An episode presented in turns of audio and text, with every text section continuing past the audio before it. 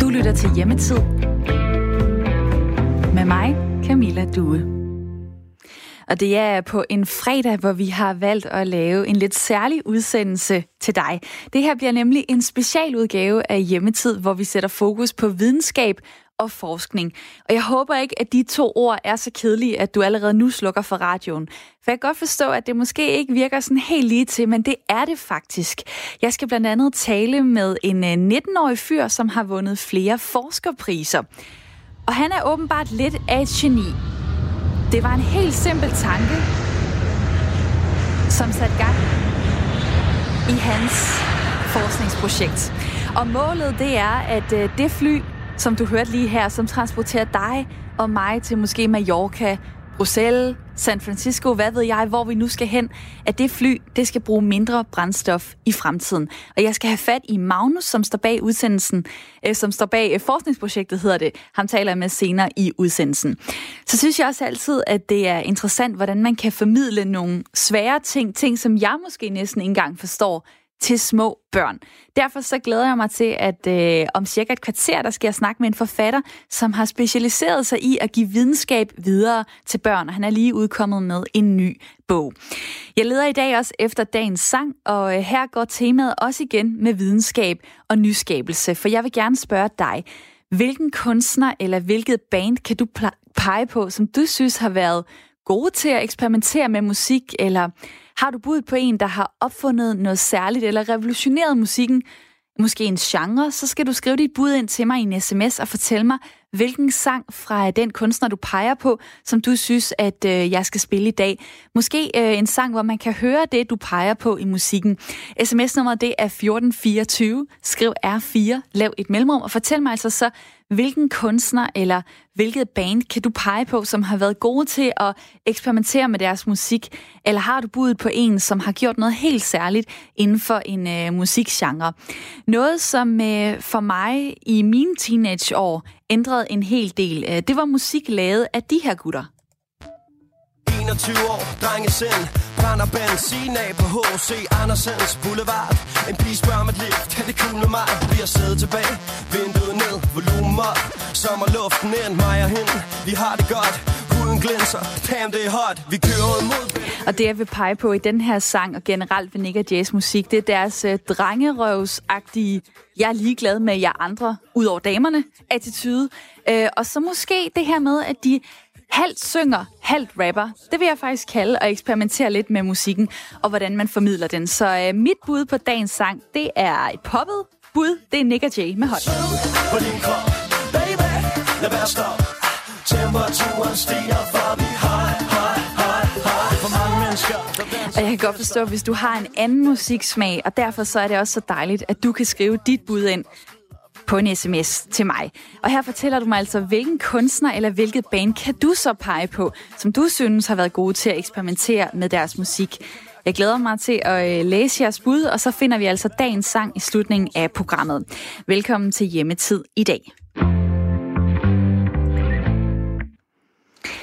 Når jeg hører, at øh, Mette Frederiksen, hun stiller spørgsmålstegn ved, om vi nogensinde kommer tilbage til vores normale liv, eller om verden altid vil være forandret efter corona, så står jeg altid og håber på, at der lige om lidt vil dukke en vaccine op, som vil gøre, at hele det her sygdomslandskab, det ser anderledes ud, forhåbentligvis lige om lidt. Og i går øh, så søgte jeg derfor på coronavaccine på nettet, og nogle af de overskrifter, som jeg fandt frem til, de lød sådan her. Hvem kommer først med coronavaccinen? Dansk forsker arbejder på højtryk for at udvikle coronavaccine. Britisk vaccine klar til at blive testet på mennesker – Tyskland begynder at teste mulig coronavaccine på mennesker. Trods store fremskridt tror styrelse ikke på vaccine i år. Og det er måske et meget godt billede på, at der lige nu er flere end 100 forskellige vaccineprojekter i gang. Men det er også derfor, det måske kan være lidt svært for os øh, almindelige mennesker, ikke forskere, at øh, finde, hule, øh, finde hoved og hale i, i alt det her. Derfor så har jeg nu ringet til Anne Ringgaard. Velkommen til. Tak. Du er journalist på øh, mediet videnskab.dk, og du dækker det her område ret så intenst for tiden. Øh, og du har travlt med at lave nogle øh, forskellige artikler om alt det, der foregår inden for vaccineforskning. Og når jeg læser de her overskrifter, så får jeg sådan fornemmelsen af, at der er et eller andet kapløb i gang i forhold til at komme med den vaccine først. Er der det? Øh, ja, altså på en måde kan man godt sige, at der er et øh, kapløb i gang, fordi der er selvfølgelig rigtig meget præcis forbundet med at øh, komme med en vaccine. Men på den anden side, så, øh, øh, så kan man også sige, at øh, altså det forskerne forventer, det er ikke, at det er én vaccine, der ligesom øh, kommer i brug, men flere forskellige, sådan, øh, der kan supplere hinanden. Øh, så på den måde, så øh, altså forskerne siger selv, at de ikke bryder sig om, at man taler om, at det er et kapløb, fordi at, at de ser det ikke som om, at det handler om at komme først, men som om, at det handler om, at altså, de vil gerne lave det, der er bedst, og det, der virker bedst. Så vil det sige, at de arbejder sammen, hvis de er så noble, at de ikke er dem, dem der gerne vil stå øh, med vaccinen først i hånden? Altså, man kan ikke sige, at de arbejder sammen. Der er nogle øh, initiativer fra øh, WHO, altså Verdenssundhedsorganisationen, om at prøve at koordinere det her vaccinesamarbejde. Øh, de forsøger blandt andet at få, øh, at, at, øh, at få det koordineret sådan, at man, i de, man skal teste de her vacciner i tre faser, altså kliniske forsøg i tre faser, hvor man tester på mennesker. I den sidste fase, det er, indebærer, at, der skal ind, at, at vaccinen skal testes på tusindvis af mennesker. Her prøver øh, WHO at få, øh, at øh, lavet, få det koordineret, sådan at man kan teste de her forskellige vacciner op mod hinanden.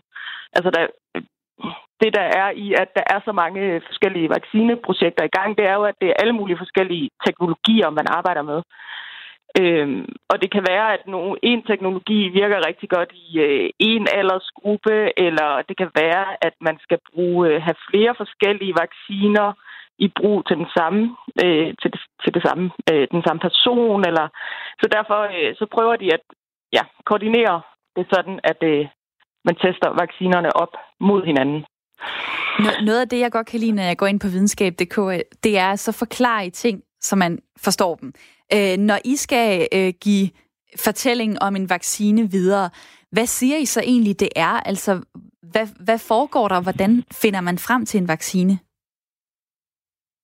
Øh, og altså, øh, de her, øh, WHO har lavet sådan en liste over de projekter gang, og PT er der 76 projekter på den liste. Øh, øh, den liste, jeg sidder med, der er fem øh, projekter, som er gået videre til den fase, hvor man tester i mennesker. Resten, det er øh, vacciner, der stadig er under udvikling. Øh, det vil sige, at de altså, man, er, ingen, altså, man ved ikke endnu, om de overhovedet virker.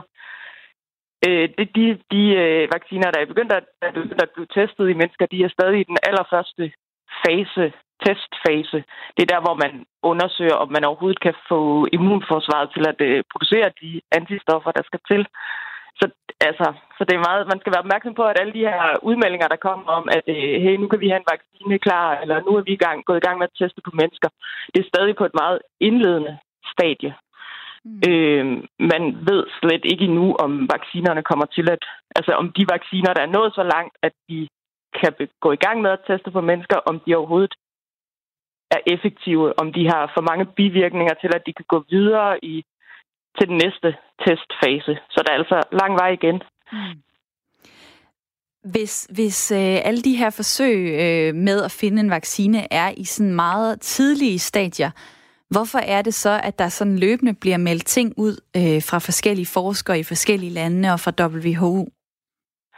Altså man skal være opmærksom på, at der er øh, store økonomiske øh, interesser på spil i det her de her øh, forskere, de øh, skal jo have finansieret alle de her øh, forskellige forsøgsfaser. Det er særligt den tredje fase, hvor de skal øh, teste vaccinen på flere tusind mennesker. Den er sindssygt dyr. Det, det koster sådan flere millioner at gennemføre sådan et øh, forsøg. Så de har brug for, at der er nogen, der investerer i deres forskning, nogen, der skyder nogle penge ind i det. Så øh, de, så på den måde prøver de jo for, for at få opmærksomhed på deres øh, projekter og nogle gange kommer de måske til at øh, oversælge øh, en lille smule i medierne. Mm.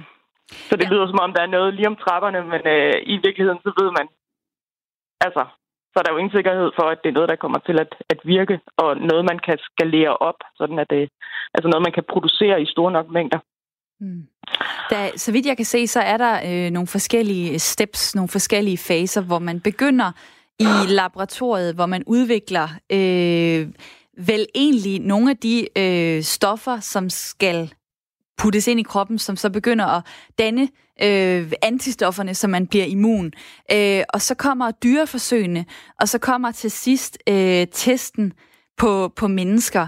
Øh, kunne man øh, springe nogle af de trin over, fordi man vil sige, jamen, der er simpelthen brug for, at vi finder en vaccine nu og her, så hele øh, verdenssamfundet ikke er på vej mod et øh, kollaps? Eller er det ikke en mulighed?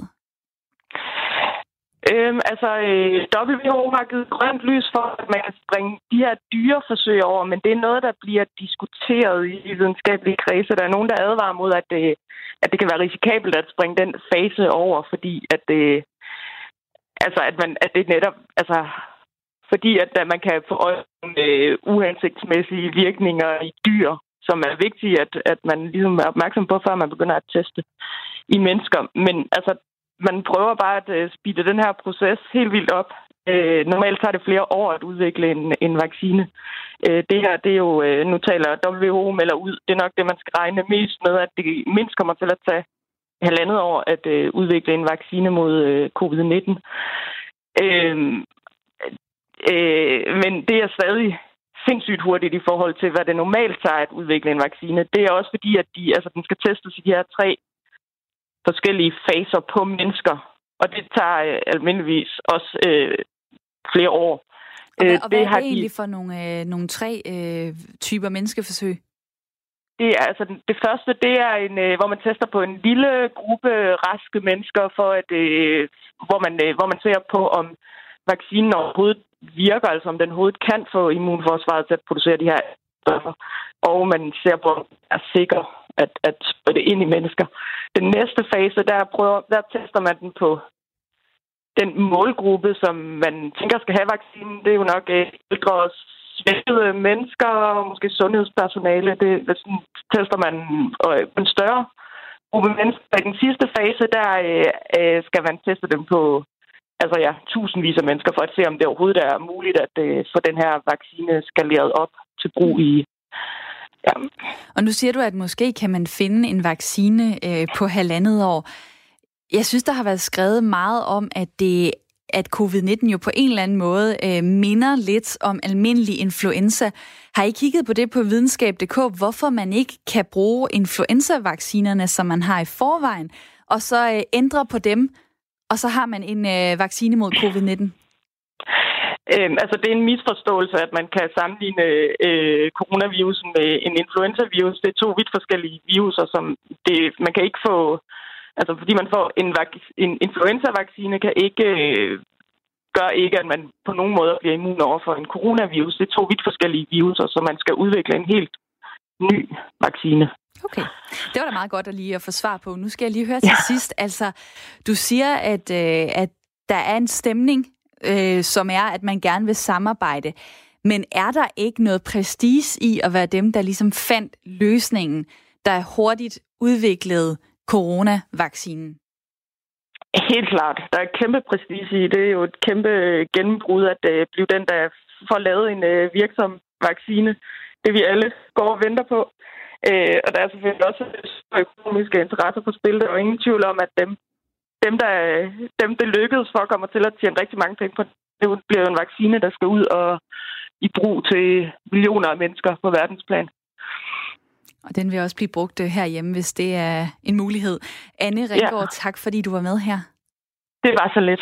Journalist på øh, videnskab.dk, og som altså øh, lige her kunne gøre os lidt klogere på, hvad det er, der foregår på det her vaccineområde. Jeg leder også efter øh, dagens sang i dag, og jeg har spurgt jer derude, hvilken kunstner eller hvilket band synes du har været god til at eksperimentere med deres musik. Det kan være, du har et bud på en øh, kunstner, som øh, kan noget særligt inden for et instrument, eller som har udviklet en ny måde at sætte musik sammen på, så vil jeg rigtig gerne høre om dig. du kan sende mig dit bud ind på en sms og fortælle mig, hvilken sang fra den kunstner, du så synes, at øh, man kan høre det i, og øh, hvilken sang jeg så skal spille øh, sidst i, øh, i programmet. Og det er jo fordi, i den her time, øh, der har vi et tema, som er forskning, øh, videnskab og nyskabelse, og derfor så har jeg taget det med ind i jagten på øh, dagens sang. Og du kan altså sende mig dit øh, bud ind på øh, sms-nummeret 1424. Skriv R4, lav et mellemrum, og fortæl mig så altså, hvilken kunstner eller hvilket band kan du pege på? Hvis du sidder og tænker på alle de øh, CD'er, du måske har stående i reolhylden, hvad er det så for en kunstner, du vil pege på, som er den, der eksperimenterer mest med musik? Og hvilken sang øh, kunne jeg spille her i radioen som dagens sang, for ligesom at, øh, at vise det? Øh, så kan det altså være, at din sang bliver dagens sang, som vi øh, spiller sidst i programmet. Og øh, sms nummer 1424, det er jo også åbent hele tiden for øh, kommentarer eller spørgsmål, hvis I undrer jer over noget, øh, mens jeg har gang i at, øh, at lave et interview. Og der er Lone fra Amager, der lige skriver øh, tak, fordi at øh, man kan sende en sms ind. Øh, og øh, det vil jeg egentlig sige, jamen selv tak, og tak fordi du benytter nummeret 1424. Børn øh, har altid haft mange spørgsmål, og her i coronatiden, så har det måske virket endnu mere intenst for forældre, fordi at de jo har været sammen med deres børn 24-7. I hvert fald har nogen. Øh, og for at være ærlig, så, øh, så i nogle perioder, så kan børn jo stille tusind spørgsmål på ingen tid øh, og til alt mellem himmel og jord. Hvorfor sidder øjet ikke i nakken? Hvorfor er jeg ikke blevet en kat? Hvorfor kan min støvle ikke snakke? Hvorfor, hvorfor dit og hvorfor dat? Og som voksen, så kan man nogle gange godt blive lidt træt af alle de der spørgsmål. Men spørgsmål, det er faktisk en god ting, fordi det er i virkeligheden første skridt på vejen til et videnskabeligt forsøg. Er det ikke rigtigt, Christoffer? Jo, det er fuldstændig rigtigt. Så dem skal vi ikke holde op med at stille, og så vil jeg sige, så vil mit job som øh, journalist også blive ret så kedeligt. Christoffer øh, Fryg her, du er øh, biolog, du er forfatter til den nye videnskabsbog til børn, som hedder Manden, der fik skåret sin hjerne i skiver, og 49 andre vid- vilde videnskabelige forsøg. Og du har måske også altid været lidt af en øh, men jeg vil godt lige øh, stille mit første spørgsmål til dig. Hvordan kom din interesse for videnskab? Jamen det tror jeg, den, den, den ligger jo i nysgerrigheden. I og med, at man er nysgerrig, så, øh, så, så hvad skal man sige, verden åbner sig jo, når man bliver nysgerrig, kan man sige. Ikke? Så, så alt, hvad der hedder videnskab, det, det bygger jo på nysgerrighed. Det starter altså med, at man stiller et spørgsmål. Og når man ligesom har stillet det spørgsmål, som jo kan komme ud af alting. Ikke? Altså, øh, der er jo, jeg mener, jeg kan kigge ud på en græsplæne her, ind i den græsplæne, hvis jeg begynder at kigge på den, og hvis forskere begynder at kigge på den, så vil der være tusind ting, der ikke var fortalt. En masse hvad skal man sige, øh, opdagelser, der ikke var gjort. Det er, egentlig, øh, det er egentlig det, jeg synes, der er så fantastisk ved, øh, ved nysgerrighed. Det er, at det åbner verden, og, øh, og nu hørte vi jo lidt af, af det her med den her snak omkring spørgehjørn, og i virkeligheden synes jeg jo, at den her bog, den håber jeg, at på kan blive en omvendt spørgehjørn, og få, få børnene til rent faktisk at blive ved med at holde fast i deres nysgerrighed, som man jo har som barn, og som måske forsvinder lidt, når man bliver, øh, bliver voksen. Det vil være en kæmpe glæde for mig, hvis børn kunne holde fast i deres nysgerrighed på grund af blandt andet den her bog. Noget af det, jeg synes er frustrer- så frustrerende ved nysgerrighed, det er, at der er godt nok mange ting, som kan være svære at finde ud af. Altså, som man ikke lige hurtigt kan google sig frem til, eller ikke selv kan regne, regne ud og få svaret på. Altså det, jeg står tilbage med, det er så bare stadig et spørgsmål. Altså for eksempel, øh, hvorfor øh, vokser øh, græs så hurtigt, eller hvad ved jeg? Ja, ja.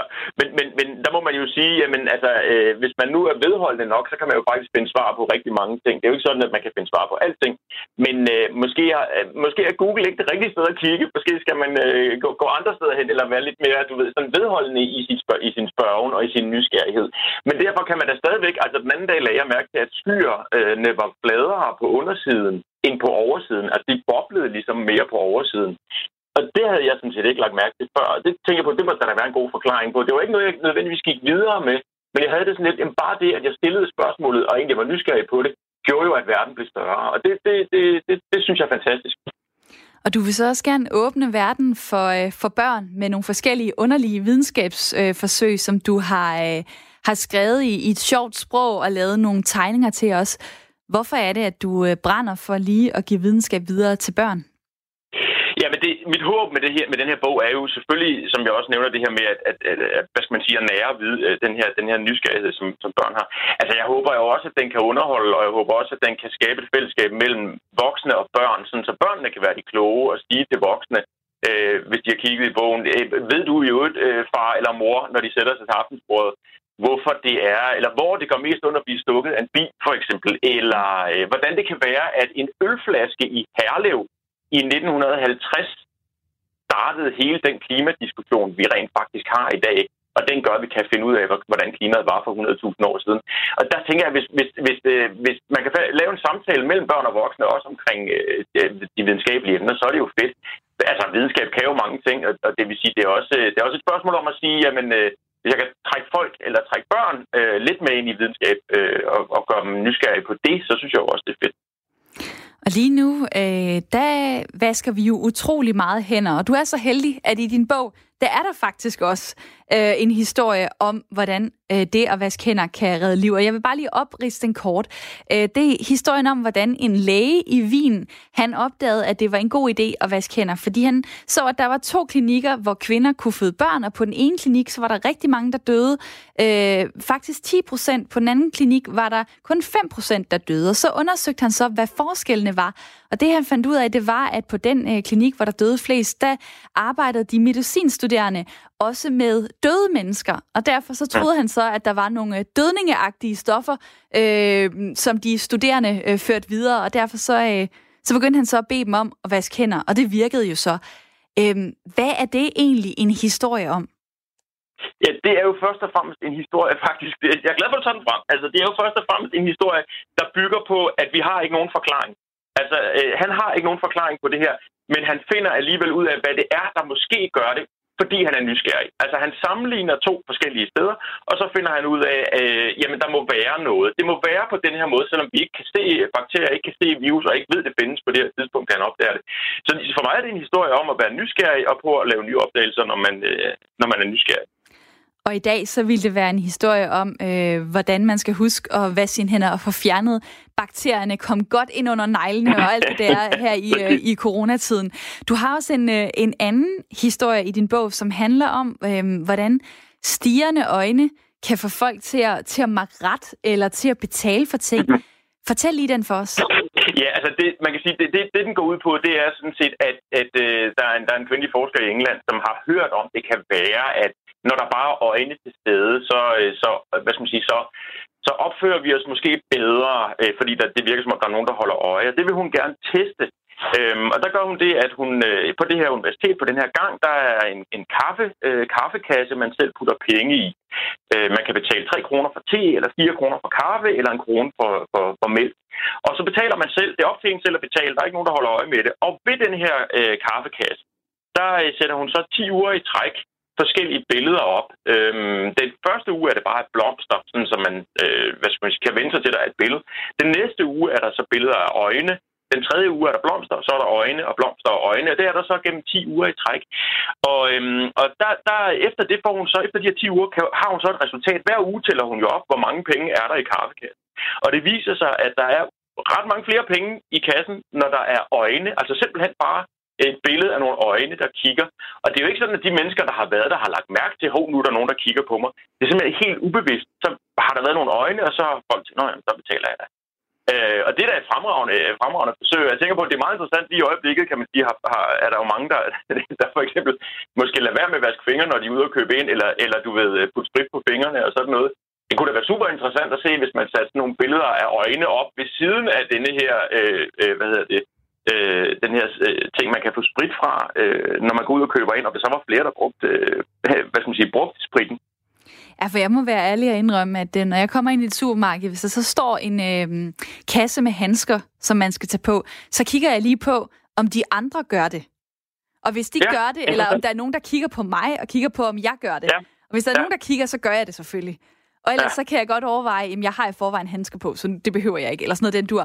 Men det, ja. det betyder da noget. Det, det kan jeg da i hvert fald genkende fra mit eget liv. Ja. Ja, men det tror jeg helt sikkert også, det gør. Altså det, det var, du ved, når jeg, når jeg tager de her historier med, det er også noget af det. Nogle, nogle af tingene kan jeg jo godt genkende, og det her har jeg jo sådan, jamen, jeg synes, det er en sjov historie, fordi at, vi, at, at, at den lige præcis har en genkendelighed for, for mange af os, ikke? At det der, er der andre, der følger med, jamen, så kan det godt være, at vi lige opper os en lille smule ekstra, i hvert fald til en start, og så kan det jo være, at det falder ned igen. Hvis hun var blevet ved med det her forsøg i 100 uger, så kan det jo godt være, at det var holdt op med at virke. Men, men, øh, men jeg kan godt, øh, jeg kan godt genkende, hvad du siger. Og nu hedder din bog jo Manden, der fik skåret sin hjerne i skiver. Er det også et videnskabeligt forsøg? Ja, det er i høj grad et videnskabeligt forsøg. Mm. Og det er en mand, der har, der har, har fået lavet en operation i hjernen i 30'erne. Han faldt på cykel, da han var lille. Øhm, og så efter det får han en hel masse øh, sådan nogle epileptiske anfald og sådan noget. Så er der en læge, der siger, det kan jeg da kurere dig for. Og så opererer han ham i hjernen, og de epileptiske anfald forsvinder, men det gør hans, øh, meget af hans hukommelse desværre også. Øhm, og den her mand er, øh, er meget tålmodig øhm, og øh, vil gerne være med til at lave alle mulige forskellige videnskabelige forsøg, og er faktisk det bedst beskrevne eksempel på en, en, en, øh, en for hukommelse, vi har. Så da patienten dør, eller ham her manden, som hedder Henry Molaison, han dør, så får andre forskere hans hjerne. De vil jo gerne vide, hvor er det, der så er skåret ting væk i den. Og derfor snitter de den i 2500 tynde skiver. Øh, og jeg over at snakke med ham, forskeren, der snittede den i tynde skiver, og så, så hans maskine til at skære den i, i tynde skiver. Den ligger så på nettet nu, den her hjerne, så man kan gå på opdagelse i den i en 3D-model. Ej, for vildt. Ja. Og ellers så er jeg sikker på, at du også har nogle øh, illustrationer af det i din bog, Christoffer ja, Frøkær. Tak, fordi du var med her. Ja, velbekomme, tak fordi jeg måtte. Det måtte du i hvert fald. Biolog og forfatter til en ny videnskabsbog til børn, som altså hedder Manden, der fik skåret sin hjerne i skiver og 49 andre vilde videnskabelige forsøg. Og øh, den bog er ude i butikkerne, så snart de åbner, men indtil da, så kan du finde, dem på de, finde den øh, på diverse webshops. Nu er det blevet tid til et nyhedsoverblik. Det er blevet tid til nyheder her på Radio 4. Det skal være muligt at beskytte medarbejdere, som får kendskab til uregelmæssigheder eller snyd med de hjælpepakker, som Folketinget har vedtaget under coronakrisen. Det mener enhedslisten, som foreslår, at der bliver oprettet en whistleblower-ordning. Jeg regner med, at de fleste godt kan finde ud af at overholde reglerne og lever op til den aftale og har samfundssind. Men de steder, hvor at man ikke har det, der, øh, der skal hammeren falde hårdt, og der skal den falde hurtigt. Det siger enhedslistens beskæftigelses- og erhvervsordfører Victoria Velasquez. Ifølge enhedslisten så skal whistleblower-ordningen særligt være til hjælp ved sager, der handler om ordningen om lønkompensation. Lønkompensation er en del af de hjælpepakker, som Folketinget har vedtaget for at hjælpe virksomheder gennem coronakrisen. Ordningen den betyder, at staten kan betale størstedelen af hjemsendte medarbejderes løn. Victoria Velasquez fortæller, at hun siden aftalen om lønkompensation blev indgået i marts, har modtaget flere henvendelser fra borgere, som for eksempel bliver bedt om at arbejde sort, mens virksomheden modtager lønkompensation. Som det er i dag, så er en medarbejder, der henvender sig til myndighederne med mistanke om snyd med en hjælpepakke, ikke anonym. Og Victoria Velasquez frygter, at det får mange til at undlade at anmelde arbejdsgiveren, fordi de kan miste jobbet i en tid, der i forvejen fylder hvor, i en tid, hvor arbejdsløshed i forvejen fylder. Når øh, en arbejdsgiver registrerer, at en medarbejder er på lønkompensationen, så får man ind i sin e-boks at man skal reagere straks til Erhvervsstyrelsen, hvis der er uoverensstemmelser i de, op- i de oplysninger. Og øh, at det er der jo så nogle medarbejdere, der gør, men der er de altså ikke beskyttet. Så lige nu er der ikke øh, nogen løsning for dem. Siger Victoria Velasquez.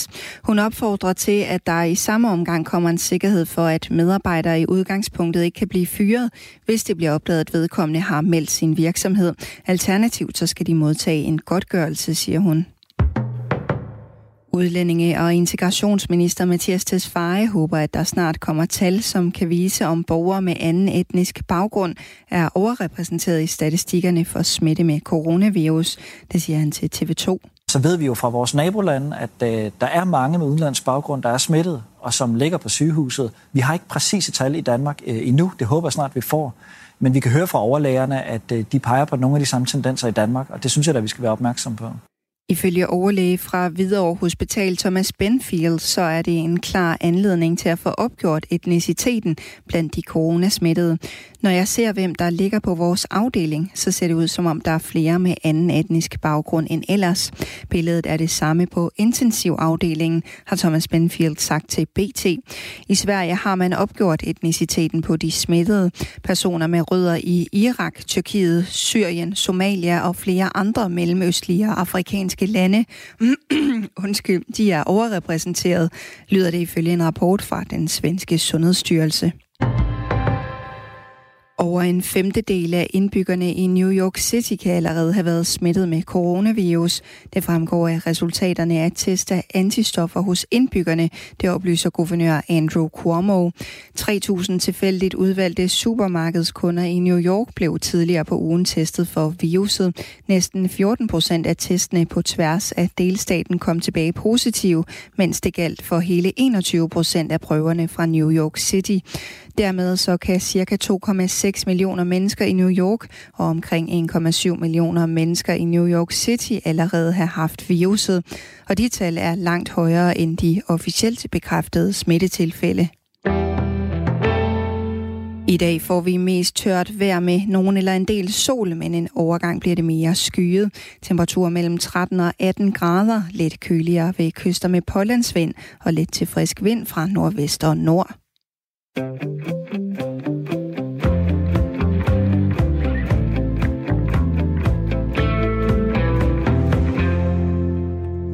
Velkommen tilbage til Hjemmetid i dag med mig, Camilla Due. Og normalt så øh, glæder jeg mig altid til det sidste interview her i øh, programmet, fordi så øh, plejer jeg at gå i gang med forskellige køkkenprojekter. Det kan være at sylte et eller andet, eller lave en god, sund salat, eller en lækker fredagssnack.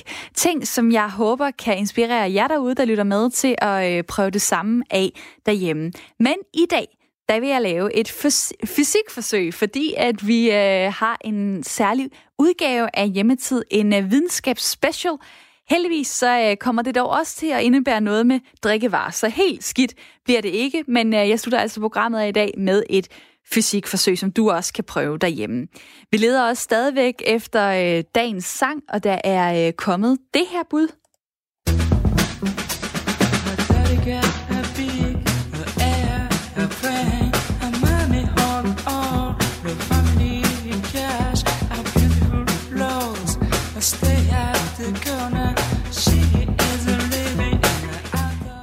har spurgt jer, øh, hvilken kunstner eller hvilket band synes du har været gode til at eksperimentere med deres musik? Øh, og der er altså øh, kommet et bud fra Ip, som skriver, at øh, han vil pege på gruppen Can med sang Vitamin C. Og måske kan jeg godt høre, det her, det er da lidt specielt.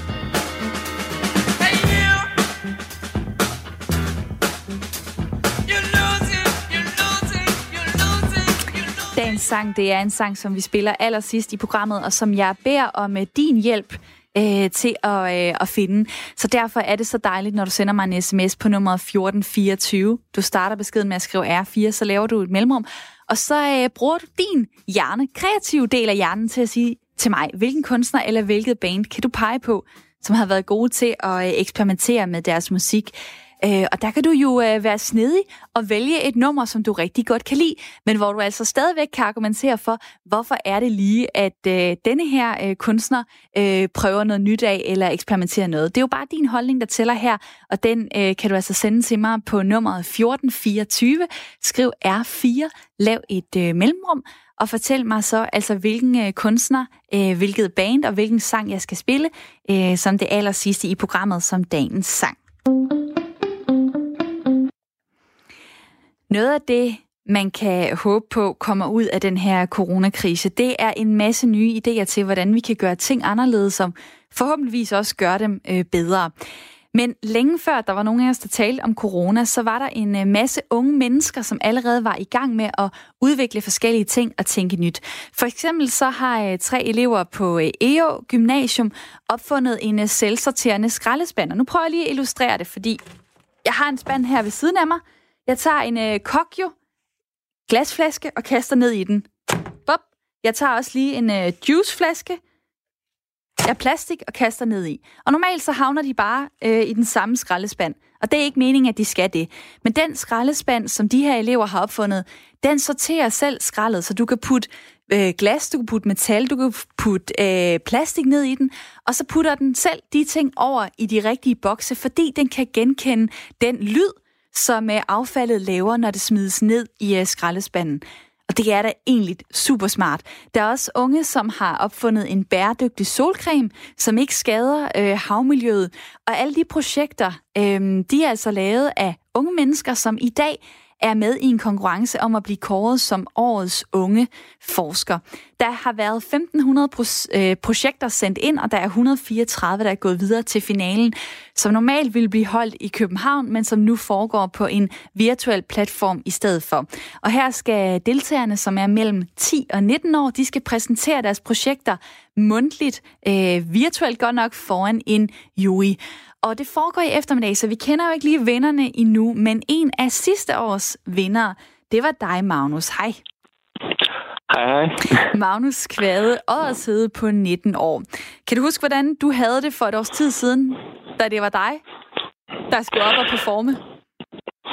Jamen altså, da jeg, da jeg var oppe og præsentere mit projekt, der var det jo et helt anderledes setup, kan man sige, i forhold til det, de har nu. Øhm, og jeg kan huske, jeg var, jeg var jo selvfølgelig nervøs for, at, øh, for, hvordan det ville gå, og jeg ville kunne præsentere mit projekt ordentligt. Men øhm, altså, egentlig så øh, var der ligesom bare mest for, for oplevelsen faktisk, og prøvede at, prøvede at nyde det, mens de var i gang. Og nyde, at øh, nu var der nogen, der rent faktisk godt ville, øh, ville høre om alle detaljerne i mit projekt og sådan noget der. Og dit projekt, det var noget, du øh, begyndte på i gymnasiet øh, til det afsluttende projekt. Og meningen ja. med det, det er, at man skal kunne spare brændstof i flybranchen. Prøv at fortælle lidt mere, hvad det går ud på. Ja, men det, øh, altså, det handler kort sagt om, at vinger, de producerer, de laver opdrift, som ligesom får flyveren til at flyve. Men en ulempe ved det, det er, at ude omkring spidsen af vingerne, så den måde, vingerne laver opdrift på, gør, at der opstår en hel masse turbulens. Og øhm, den vingespids, som jeg har designet, øhm, kan så forhindre, at øh, en stor del af den her turbulens, den opstår. Og det gør, at øhm, vingen, den giver den her opdrift med markant mindre luftmodstand og mere opdrift. Og hvorfor er øh, turbulens en dårlig ting? Altså, det er kun for det enkelte fly, øh, som man, som man øh, sidder inde i, eller det skaber det også problemer for alle andre fly omkring? Jamen, altså det, øh, det skaber jo en hel masse problemer faktisk. Altså hvis vi bare tager for det første det fly, man selv sidder i, så altså, når luften den bliver vivlet rundt på den måde, som den gør, når der opstår den her turbulens, så får luften jo en hel masse energi, og den energi, den kan ikke komme ud af ingenting. Og i sidste ende, så kommer den energi fra flyvemaskinens brændstof. Så det betyder, at flyet det bruger mere brændstof på, på grund af, at den her turbulens den opstår. Øhm, og hvis vi prøver at kigge på, hvad det betyder for andre fly, der flyver om bagved, så kan det faktisk være meget farligt at flyve ind i øh, den her strøm af turbulens, der er efter en flyvemaskine. For eksempel så var der for et stykke tid siden en, øh, en, en øh, nærved ulykke, hvor der var et lille fly, der var flået ind i turbulensen efter et stort fly og øh, var kommet fuldstændig ud af kontrol og kun med ned og næppe havde gennemført kontrollen og kunne lande sikkert bagefter. Så det skal din øh, vingespids altså være med til at ændre på. Øhm, hvordan ser den ud? Hvordan kan du forklare det? Jamen altså, den, øh, den er ligesom en fortællelse af vingen, så den går hverken opad eller nedad eller noget som helst. Den går ligesom bare lige ud, og så går den ud i en spids. Og øh, det gør simpelthen, at den her turbulens, som opstår omkring spidsen, den hvad hedder det, bliver afhjulpet, eller den, øh, hvad hedder det, bliver simpelthen dæmpet meget markant ved, at man lader vinge ud i en spids på den måde her. Altså sådan sylespids-agtig? Ja, det skal den faktisk helst være. Altså, det mest optimale, det er, at øh, den er så spids, at man kan skære sig på den i virkeligheden. Hold da op. Og, øh, og er det realistisk? Altså, du har sat det her mål, og du er begyndt på det her projekt. Men øh, er der nogen fra branchen eller andre, der har sagt til dig, at det her kan rent faktisk være noget, der kan gå ud og, øh, og gøre en forskel øh, i den virkelige øh, flybranche? Jamen, det er der. Øhm, og jeg er faktisk også øh, allerede nu i gang med at øh, prøve alt, hvad jeg kan at få, øh, få det her udbredt så meget, som jeg overhovedet kan. Øhm, men problemet med flybranchen, det er, at alting går meget langsomt, fordi at øh, det hele det skal testes igennem 120 gange, og øh, så derfor så er jeg stadig i øh, den her fase, hvor jeg øh, er ved at være helt sikker på, at det virker. Mm. Øhm, fordi altså, der er jo stadig en lille chance for, at der er øh, en eller anden lille ting, der gør, at, at øh, for eksempel det med, at den skal være meget spids, kan jo godt være rent konstruktionsmæssigt, at det bliver for svært at lave. Øhm, så alle sådan nogle små ting er jeg stadig i gang med at øh, sikre mig, at det ikke bliver et problem. Så jeg skal også have lavet nogle flere vindtunneltests. Det havde jeg egentlig også planlagt at gøre her i april, men det er blevet udskudt på ubestemt tid på grund af hele coronasituationen. Så der er øh, stadig arbejde i det. ja, det præger jo øh, alting, også den øh, konkurrence- og, og præmieoverrækkelse, som der skal være senere i dag. Du fik altså titlen som, øh, som årets unge forsker inden for teknologiområdet sidste år. Der er forskellige områder, man kan vinde det indenfor. Hvad tænker du egentlig sådan? Øh, normalt vil man måske sige, at jo længere tid man har forsket i et område, desto bedre er man til det. Kan du se nogle fordele ved at være ung, og endda sådan mega ung forsker? Ja, det kan jeg. Altså, det, øh, det er der helt klart. Også fordi, altså man, man kommer jo med et helt nyt syn på tingene, og du skal tænke på, når man har forsket i det i lang tid, så har man for eksempel, altså højst sandsynligt været igennem universitetet, så har man fået at vide, at tingene hænger sammen sådan og sådan og sådan her, og det giver jo, det giver jo god mening, men det gør, at man også får et lidt mere lukket syn på tingene. Hvor hvis man kommer som en ung forsker, og måske ikke har andet end en øh, folkeskole eller gymnasieuddannelse eller sådan nogle ting, så øh, kommer man med et helt frisk sæt øjne og ser, øh, hvad hedder det, nye aspekter, som man måske ikke ville se som en øh, gammel gravet forsker. Og det, øh, det er også noget, der har hjulpet mig faktisk, at jeg har øh, kunnet se det. Og jeg håber, at, øh, at du kan fortsætte med dit øh, projekt. Jeg ved, du er lige begyndt på universitetet, så der må der også være nogle folk der, der kan hjælpe dig på vej i den rigtige retning. Det er der helt klart. Altså, det, øh, der er ingen tvivl om, at det er, det er nemmere at få opsat eksperimenter og sådan nogle ting, når man går på universitetet. Og noget så simpelt som at fremstille de prototyper, som man skal have testet i vindtunneler, det er blevet meget nemmere, fordi at der er en 3D-printer på universitetet. Og ellers så var det noget med at sidde og, øh, hvad hedder det, købe en fjernstyret flyvemaskine, og så skære en vinge af og prøve at få formet den til at have min vingespids, og så købe et andet fjernstyret fly, og så skære vingen af igen og have en tilsvarende vinge, men med en normal vingespids og sådan nogle ting. Så det er, øh, det er simpelthen blevet meget nemmere Og der vil jeg sige, hvis man er på SU, så er det bare med at udnytte, at, øh, at universitetet måske har lidt flere midler til at hjælpe dig på vej. Magnus, ja, tak fordi at, du var med her. Det var så lidt. Magnus Kvade Oddersede på 19 år, som sidste år var en af dem, der blev kåret som årets forsker inden for teknologikategorien. Og de øh, nye unge forskertalenter, de bliver altså fundet senere i dag, øh, hvor der bliver overragt præmier mellem klokken øh, halv tre og fire i eftermiddag. Og det er inden for kategorierne Life Science, øh, Physical Science og Technology. Og øh, det er simpelthen deltagere helt ned mellem 10 og 19 år, som øh, kan vinde de her priser som øh, årets unge forskere. Der er lidt under 10 minutter til vi kårer og spiller dagens sang. En sang, som er foreslået af jer. Og fordi vi taler om videnskab og forskning og nyskabelse i dag, så har jeg taget det tema med ind i jagten på øh, dagens sang. Jeg har spurgt jer, hvilken kunstner eller hvilket band synes du har været gode til at eksperimentere med deres musik. Måske endda revolutionere øh, musikken på en eller anden måde. Der er Henrik, der foreslår Metallica med San Francisco Symphony Orchestra.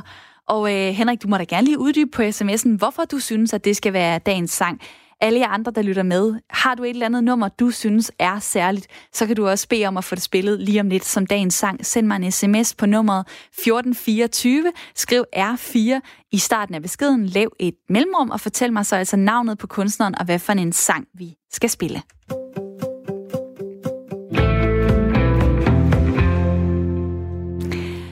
Normalt er det jo her i uh, slutningen af programmet, at jeg taler med en eller anden madnørd eller blogger, som er uh, god til et eller andet særligt, som jeg kan lære noget af i køkkenet. Men uh, fordi vi har uh, stor fokus på videnskab i dag, så virkede det lidt underligt, at jeg skulle stå og bage en kage eller fermentere, som jeg for eksempel gjorde i går. Og så alligevel, mad og videnskab kan faktisk godt kombineres. Det ved du noget om, Søren Storm. Hej med dig. Hej Camilla. Jamen, uh, tak fordi jeg komme hjem. Jamen, det må du da. Øh, og øh, du formidler viden om naturvidenskab, blandt andet på testoteket.dk og på YouTube-kanalen Science Guide. Og nu øh, har ja. jeg lige faktisk tændt for en elkedel, fordi den skal jeg ja. bruge lige om lidt. Men øh, det kan jo være, at øh, når vi slutter det her interview, så kan jeg også kalde dig for, øh, for madblogger, fordi jeg har forstået, at vi skal lave noget øh, kaffe i dag. Hvad er det for et øh, forsøg, jeg skal have gang i? Jamen, det hænger faktisk endnu bedre sammen end bare øh, noget med mad. Det hænger også sammen med dit øh, musikting, øh, som du snakkede om før her, fordi det skal handle om, om lyd og mad i virkeligheden. Øh, Ja, det er rigtig smukt. Og, og derfor så egner det sig også rigtig godt til øh, et radioforsøg. Det her forsøg, det går ud på, at man skal høre lyden af en kop frisk lavet kaffe. Har du øh, forberedt dig? Jeg har noget øh, Nescafé Gold crema med. Jeg har ja. en, øh, en øh, kop og en ja. teske. Og så har jeg noget, noget vand, der er på vej til at øh, være varmt. Åh, oh, glimrende. Det har jeg gjort mange gange, når jeg laver øh, sådan nogle øh, øh, fysik- og kemi-eksperimenter. Så har man glemt at tænde på det kogende vand, og så gælder det om at holde den kørende indtil da. Jamen, Men jeg det... kan starte med noget andet indtil da, fordi det er noget af det, jeg allerbedst til hele verden. Det er at komme med en dårlig vidighed, hvis det er, at øh, man er i tidsnød. Men øh, lige her, der er det jo faktisk det omvendte. Nu har vi, øh, du skal tage din kop, og så skal du tage din ske. Yes. Og så skal du prøve at holde den op foran mikrofonen. Ja. Øh, og så skal du tage og slå skeen inde i koppen ned mod bunden af øh, koppen. Det er bare sådan en lille øver, det her. Præcis, den kunne jeg, det kan jeg godt høre det, og du gør det helt rigtigt. Øh, prøv at gøre det lidt hårdere og lidt hurtigere. Det der er meget tydeligt. Det er så fint, det der. Super duper. Øh, er der instant kaffe nede i din øh, kop? Ikke endnu. Skal jeg putte det ned i? Det må du gerne putte i. Okay. Bare sådan cirka to teskeer. Og jeg skal lige sige, at øh, jeg ved faktisk ikke, hvad, hvad det er, jeg skal få ud af det her forsøg, men det glæder mig til at finde ud af. Så øh, to teskefulde, de er nede i nu. Yes. Det er så godt. Og så putter du lige en ekstra ned i. Bare, altså, Bare for det, det kan man lige så godt gøre. Stærk. Kan man drikke den her ja. bagefter, eller hvad skal jeg lige høre? Det kan man sagtens. Det er ikke madspild. Jeg gør, laver det her forsøg hver gang, at jeg laver kaffe herhjemme, så kan jeg ikke lade være med lige at gøre det, fordi det er så smukt. Ej, hvor fedt. Så nu tager du, nu tager du dit øh, kogende vand, og så, så hælder du det ned i. Jeg går lige over og tjekker, om det er klart. Hæng på. Ja. det er rigtig hjemmekøkken, jeg, tror, jeg tror, det er, den er oppe på 85 grader, så... Øh, Jamen, den tager vi. Inden, det, det er inden fint. Jeg, inden jeg udfører det her forsøg, nu, nu kan jeg se, nu koger... Yes, nu koger det, okay. Så tør, Det er så fint. Så tør jeg godt tage den op her. Godt, jeg står med det kogende vand, Ja, og jeg har Og så hælder du det ned i? En, en liter. Jeg, ja, jeg hælder det op i. Og skeen er nede i, korrekt? ja, ja, det er fint. Hvor meget skal der i? Øh, bare fyld op som en normal kop. Okay. Yes, Så du skal jo drikke den bagefter. absolut. Og så tager du nu her, og så slår du ned mod bunden af glasset. Igen, nede i væsken. Ja, og nu tager du og rører rundt i koppen, sådan 3-4 gange sådan godt rundt. Ja, og så prøver du at slå igen, og så bliver du ved med det, og så tiger du stille samtidig. Mhm.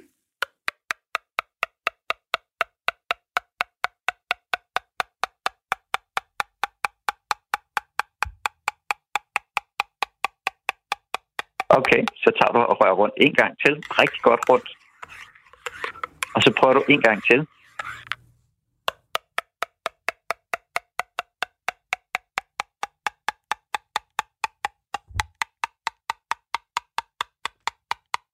Lægger du mærke til noget der?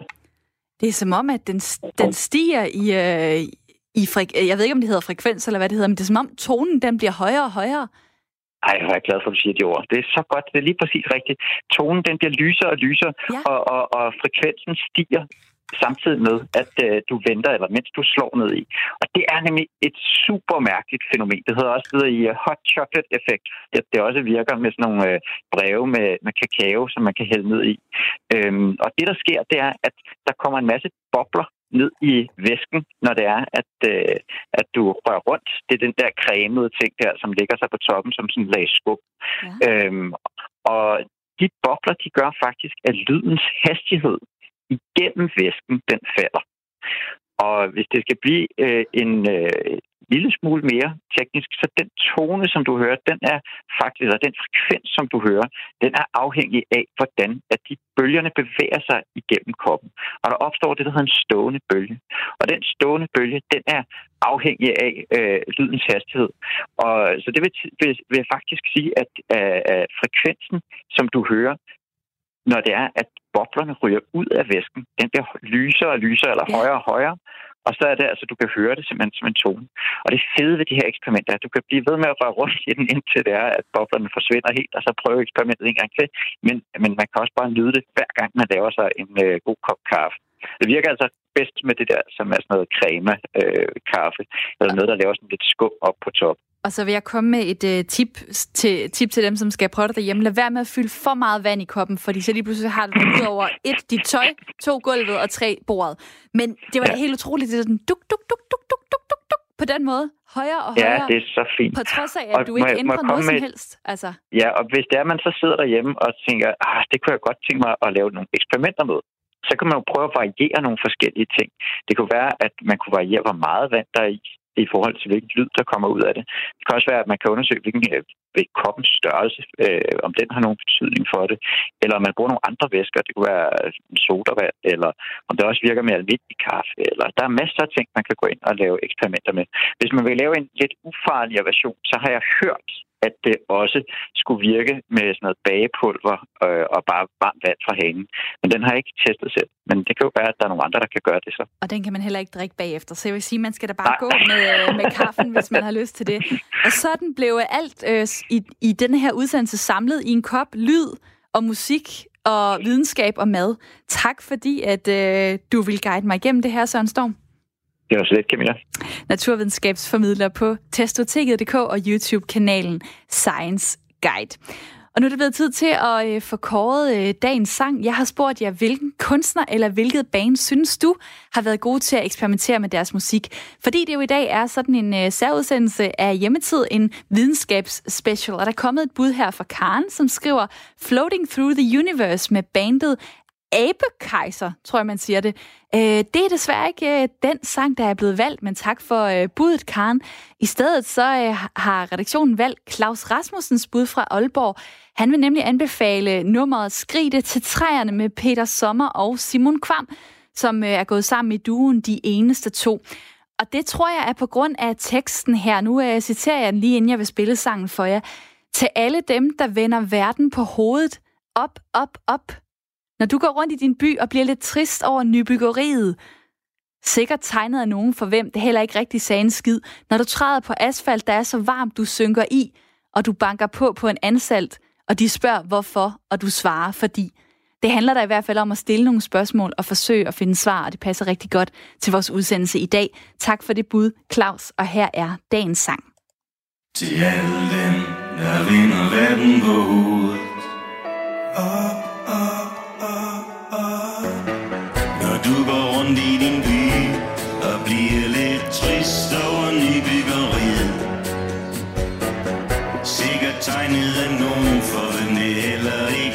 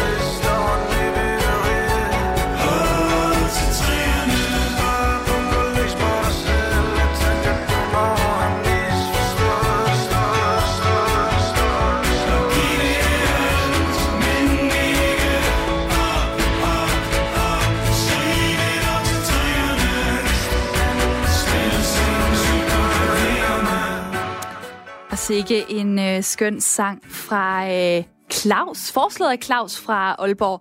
Og hvis du lagde mærke til, at sangen lige pludselig gik lidt i hak, jamen så var det simpelthen fordi, at jeg var ved at øh, rydde op i studiet efter den kop kaffe, som jeg lige havde lavet et forsøg med, og som jeg havde spildt ud over tastaturet.